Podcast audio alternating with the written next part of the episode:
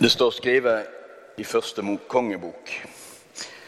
Salomo sa, Herren har sagt at han vil bo i ei mørk sky.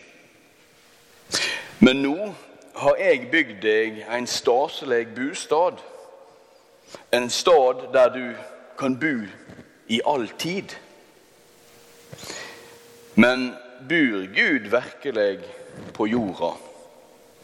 Sjå, himmelen og himlers himmel kan ikke rømme deg. Langt mindre dette huset som jeg har bygd. Vend deg mot bøna til tjeneren din og ropet hans om nåde.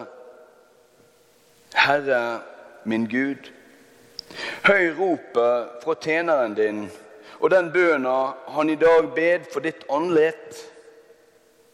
Hold øynene dine åpne over dette huset natt og dag. Vak over den staden der du har lova at navnet ditt skal bu. Hør de bønnene som tjeneren din ber fram. Vend mot denne staden. Ja, hør den bønna om nåde som tjeneren din og Israel, folket ditt, bed. Vende mot denne staden. Hør deg i himmelen, der du bor. Hør og tilgjev. Slik lyder Herrens ord. Når jeg var 15 år, så hadde jeg en eh, forferdelig sommer. Jeg, min bror han var blitt 18. Han klarte seg sjøl, og jeg måtte reise på bilferie alene med mor og far til Østlandet for å besøke min mors tanter og onkler. Eh, og det var jo ikke mobiltelefon, og de, vi hadde ikke GPS. Men min mor hadde ideer om hvor de bodde, disse gamle tantene.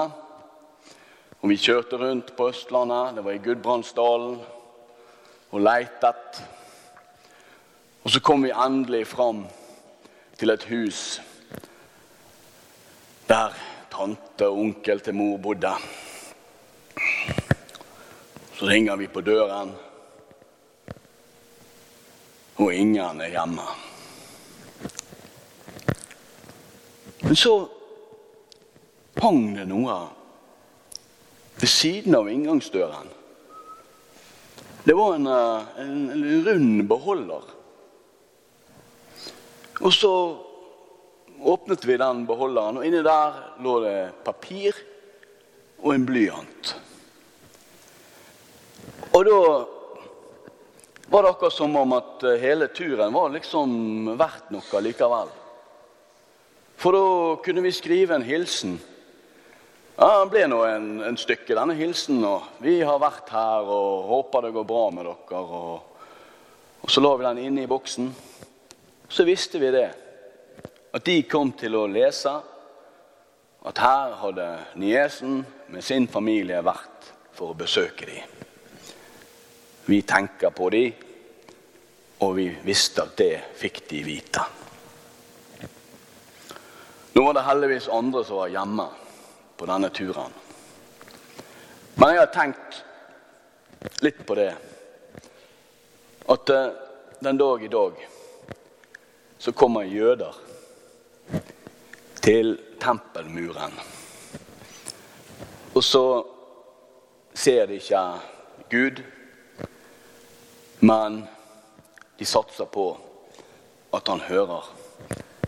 Og så skriver de små lapper og legger inn i muren.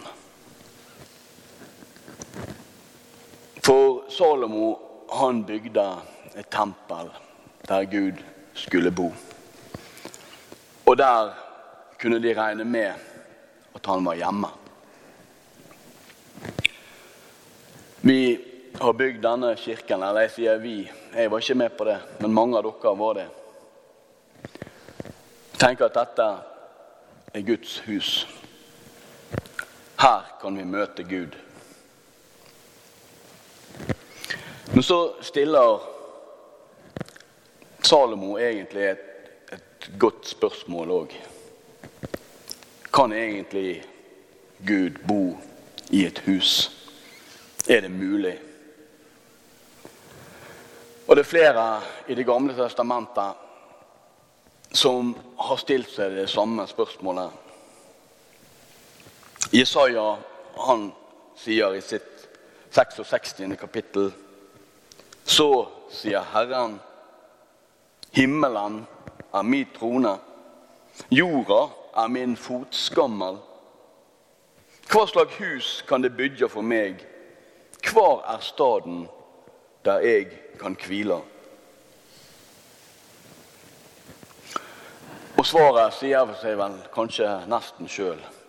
Men det Salomo tenkte, det var at ja, i alle fall skal det huset være så flott at det skal ikke være noe tvil. Det skal være Gud verdig. Det skal være helt fantastisk. Og sånn tenkte kanskje gjengen som bygde dette huset òg. Det skal være ikke noen tvil om at dette skal være Guds hus. Det skal være flottere enn alle andre hus i bygda.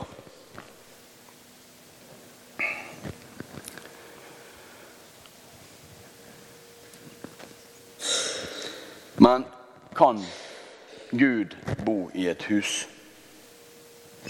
Jeremia sier i det 23. kapittelet kan noen gjøyme seg på hemmelige steder, så jeg ikke ser han, sier Herren.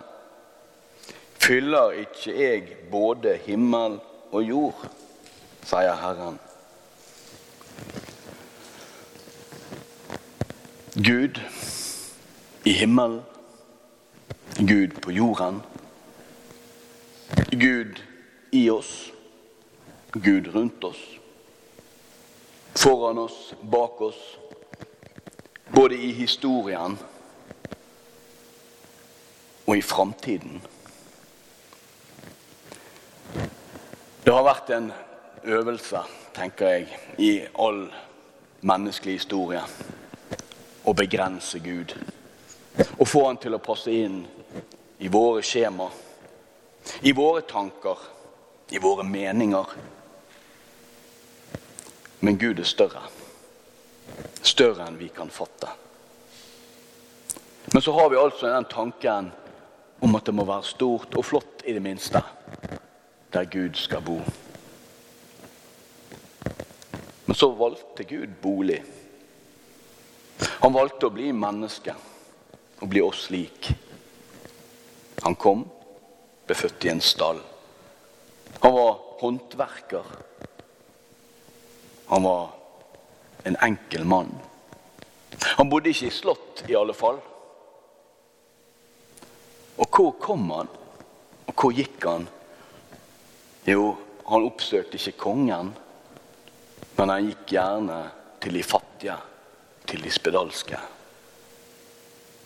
Vi skal aldri begrense Gud til å tro at det må være så flott. Og så skal han bo i oss, meg og deg, vi som tror, vanlige mennesker, enkle mennesker. Og Så tenker jeg noen ganger, når noen kommer på min dør Ja, om ikke det er snakk om husdøren min, så hjertedøren min. Så banker de på. Og noen ganger så er det sånn rent fysisk innenfor husdøren min at det er så kaos der inne at jeg vil helst ikke slippe noen inn. Det er rot, og jeg føler ikke at det er presentabelt nok. Sånn kan vi kjenne det òg med hjertedøren vår. At inni oss, vår historie, vår fremtid virker forbruket til å presentere for noen. Men Jesus, han viste oss veien. Han gikk inn i de mørkeste rom. Så utfordrer han oss òg til å åpne. Åpne for de mennesker som kommer i vår vei. Og vise oss Vise at inni dette hjertet, fullt av feil og mangler, og med alle mulige ting som ikke er på stell, der ønsker Jesus å bo.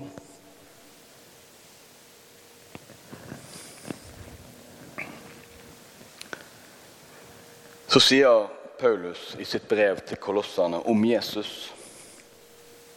Han er før alt, og i han blir alt holdt sammen. Han er hovedet for kroppen, som er kyrkja. Han er opphavet, den førstefødte fra de døde. Han i ett og alt skal være den fremste. For i Han vil Gud la hele sin fylde bu.